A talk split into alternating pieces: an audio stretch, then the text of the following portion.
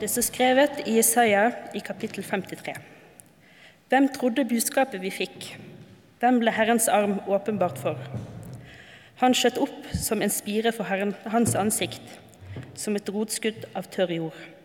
Han hadde ingen herlig skikkelse vi kunne se på, ikke et utseende vi kunne glede oss over.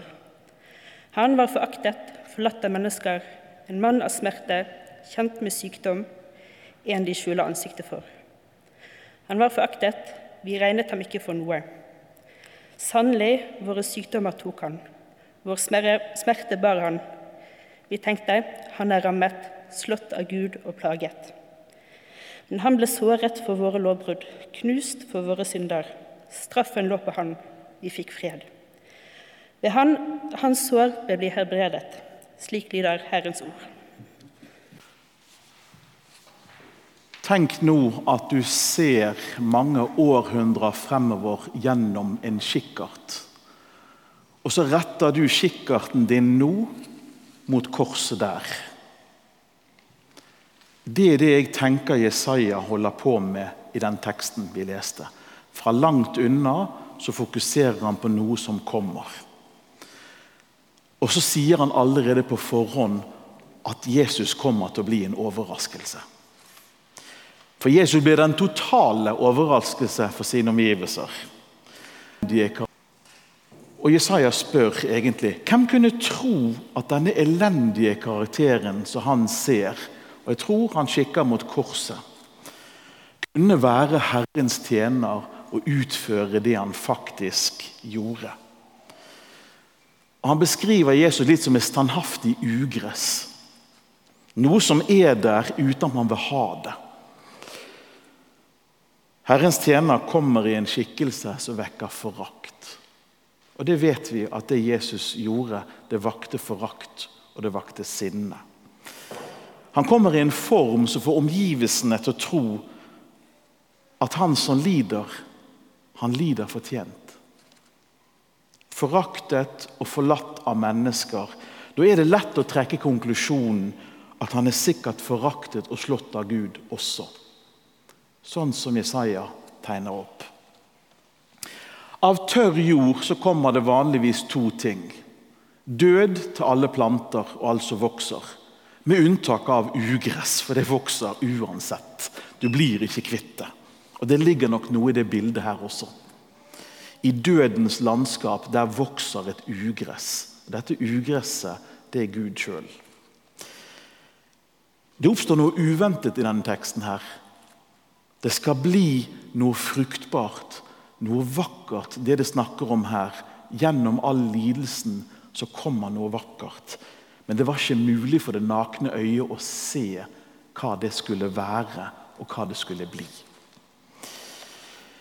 Han som kommer, nemlig, han er en som vi, eller pga. hans skikkelse, ikke tror kan komme med noe sant eller viktig. Den gangen trodde ikke de han passet inn. Men så viser han seg altså å være den som kan berge oss og helbrede oss.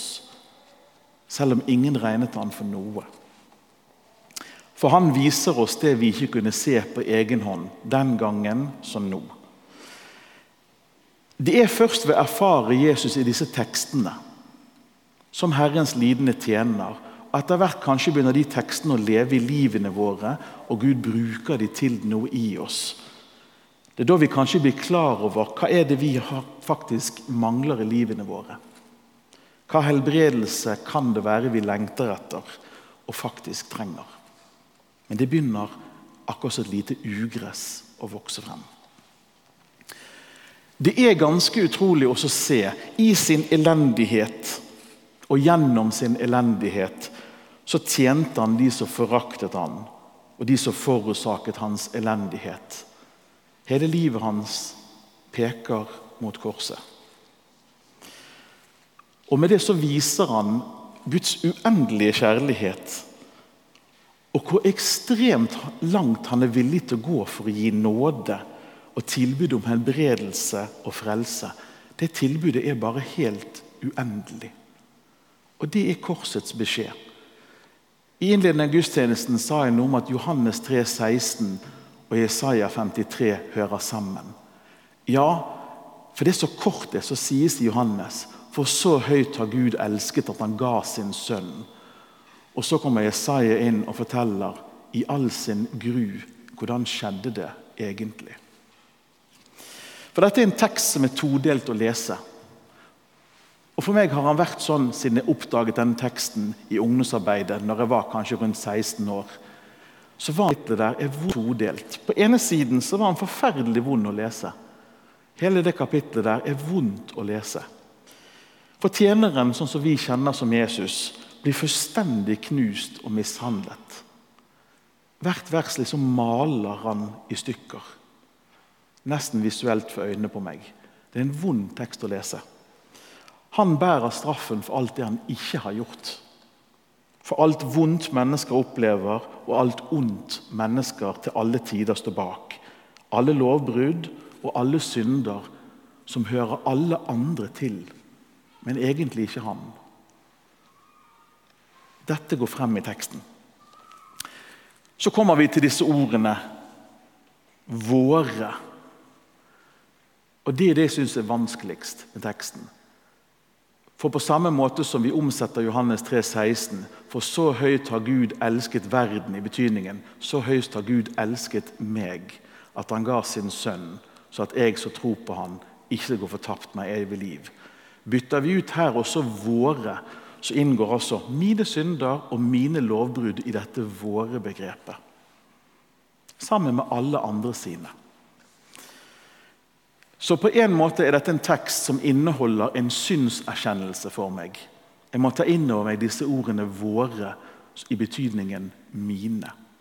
Og Det leder fort også til å kunne lese teksten som en synsbekjennelse.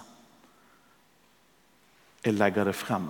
Dette handler også om meg og mitt forhold til Gud. Dermed så gjør det vondt og godt på samme tid. Det er vondt å erkjenne, og samtidig godt å si det høyt og bekjenne det og legge det frem for Gud. Fordi jeg faktisk tror på nåden. Det er det korset handler om. Denne er en av de tekstene jeg opplever i hele Bibelen som en av de nærmeste jeg har til å prøve å forstå hvorfor er det Jesus egentlig må dø. For det er et mysterium der, men dette er det nærmeste jeg tror jeg kommer sammen med et par andre tekster. Og Da kommer vi til den gode siden av teksten. Straffen som rammer Jesus, den åpner for fred for alle oss andre.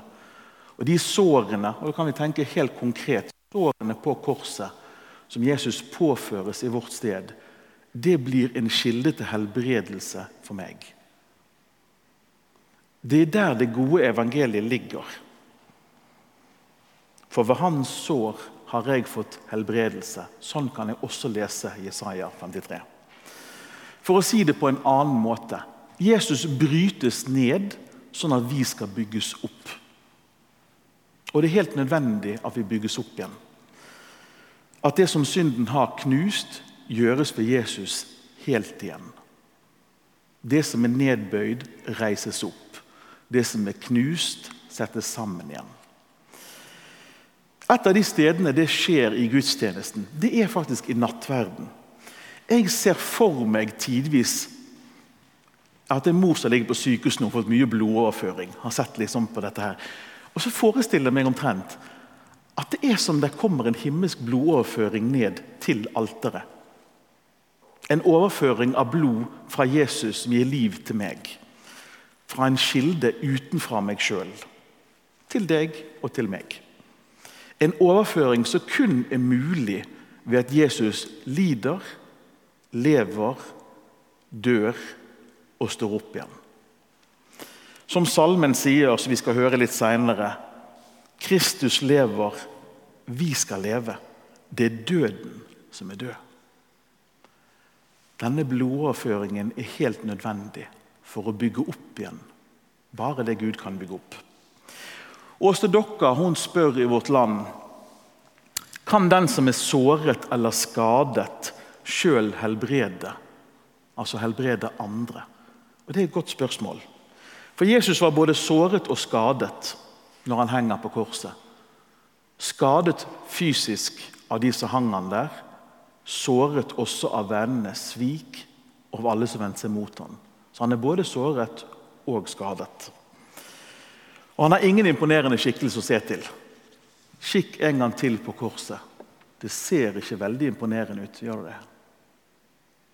Nesten naken henger der fordi noen har festet han der. Han hadde ingen tegn til verdslig status. Og til slutt så blir jo kroppen hans så mishandlet at den nesten faller fra hverandre. Og Han går i døden i møte på en forferdelig måte og på en veldig stusselig måte. I sin samtid er dette den mest stusselige døden du kan få. Og I alt dette leder meg frem til noe viktig for min del. Det er nemlig at det er her Gud blir troverdig for meg. Gud blir troverdig nettopp fordi han er kjent med sykdom. Fordi han sjøl faktisk ble forlatt. Sto helt alene igjen når vennene og alle andre forlot. Fordi han kjente på tvilen i Getsemane.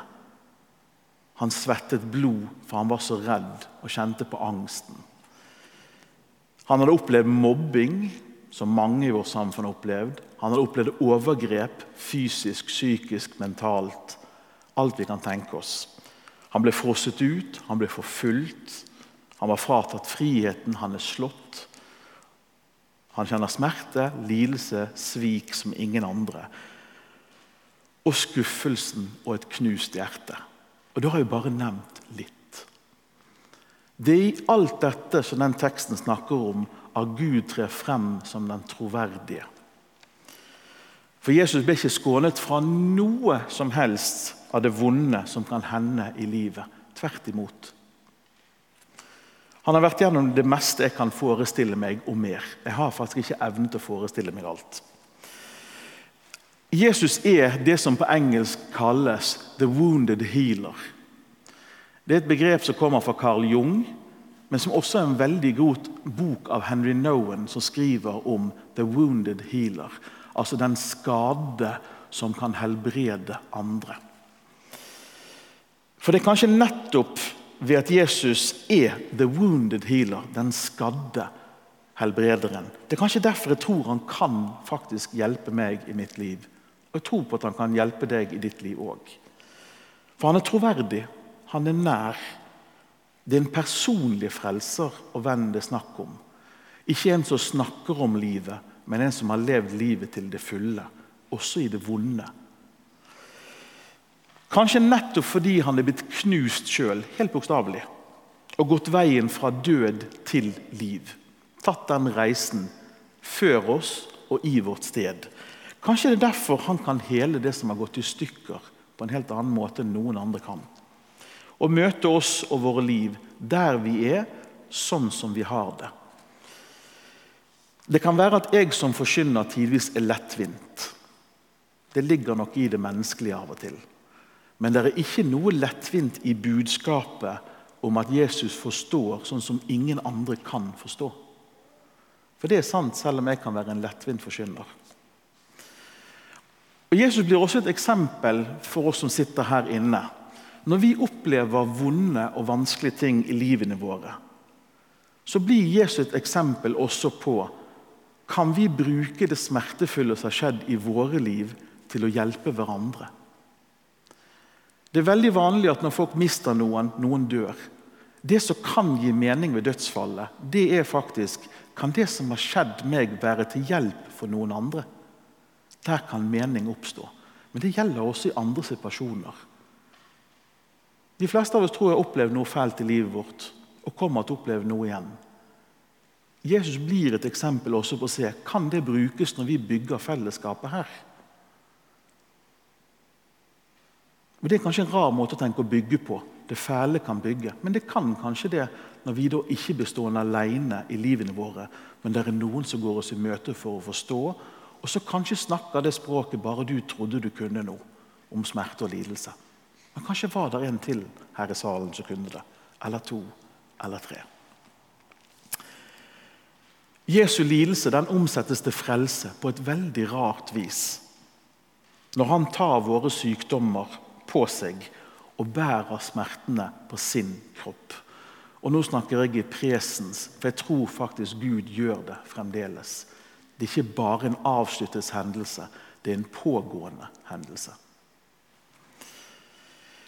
For meg er dette kjernen i å ha et personlig forhold til Gud. Nemlig at Gud er Revolusjonen kommer med sier det, men det er egentlig helt merkelig at Gud blir et ekte menneske. Han blir sin skapning. Det er egentlig helt utrolig. Blir et ekte menneske og Gud på samme tid. Med ekte liv og kjennskap, hva det vil si å være til, både på godt og på vondt. Både med gudsblikket og menneskeblikket samtidig. Det er det ingen andre som kan. Både som skaper og som medmenneske. Så er Jesus helt unik. Og så tenker jeg at Jesus kjenner selvfølgelig resten av livet også. Glede, vennskap, alt det gode i livet i tillegg til det vonde. Selvfølgelig kan Gud møte oss på det også. Det var bare ikke det denne teksten snakket om akkurat i dag. Jeg tror Jesus lo mye med vennene sine. Jeg tror han hadde skikkelig gode fester med dem tidvis. Jesus var levende, og han levde. Og han lever. For mange så kan Jesus fremdeles være en latterlig figur, en foraktet figur. For den som ikke tror på oppstandelsen, ikke tror på det kristne budskapet, så kan jeg nesten skjønne at Jesus bare blir en latterlig og stakkarslig figur. Og at kristne da blir tilsvarende latterlige og stakkarslige. For Tenk bare over det. Merket vi bærer på vår tro, det er altså et kors. Skulle vi tatt noe tilsvarende fra i dag, så skulle vi gått med å hengt en elektrisk stol fra USA rundt halsen. Det er det tilsvarende. Det er altså kjennemerket på død, straff og nederlag. Se en gang til på krusifikset. Det er veldig rart at dette er seierssymbolet. Men så er ikke egentlig det korset der seierssymbolet heller. Krusifikset viser lidelsen. Det er det tomme korset som er seierssymbolet. For den som ikke tror på oppstandelsen, så fremstår kanskje kristne som svake og latterlige. Akkurat sånn som Jesus gjorde sin samtid. Ikke noen man regner med. Jeg kan faktisk nesten skjønne det. Og Så får det meg til å tenke på en litt fin låt av Sigvart Dagsland jeg lærte da jeg var 16. Noe han går sånn som her. Jeg lurer meg på om det klovner med til allmennlott og løye. Men får vi se et lysglimt av og til, så får det ikke være så nøye. I oppstandelsens lys så er nemlig det tomme korset vi bærer på, ofte rundt halsen, det er seierstegnet over alle seierstegn. Og Da blir Jesus sin karakter og ordenes budskap i Jesaja utrolig sterke. Sannelig, våre sykdommer bar han, våre smerter bar han. Vi tenkte han er rammet, slått av Gud og plaget. Og han ble såret for våre lovbrudd, knust for våre synder. Straffen lå på han, vi fikk fred. Ved hans sår ble vi helbredet.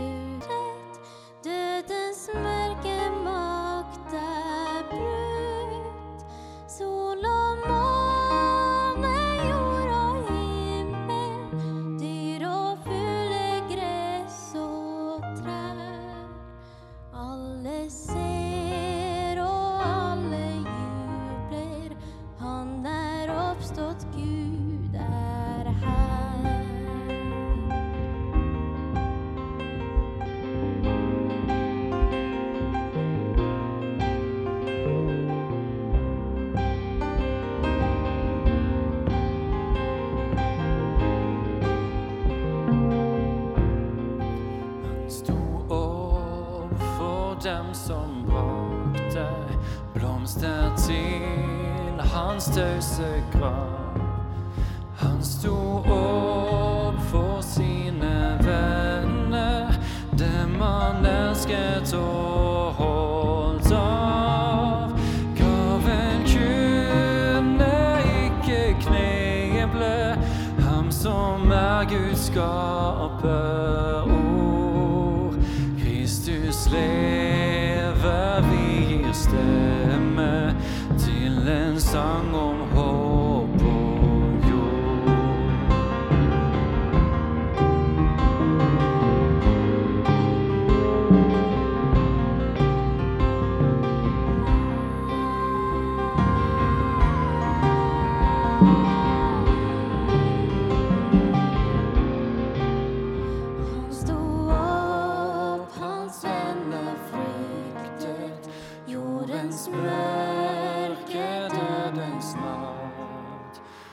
kannst du Obdach, wo uns windet, da die Todesangst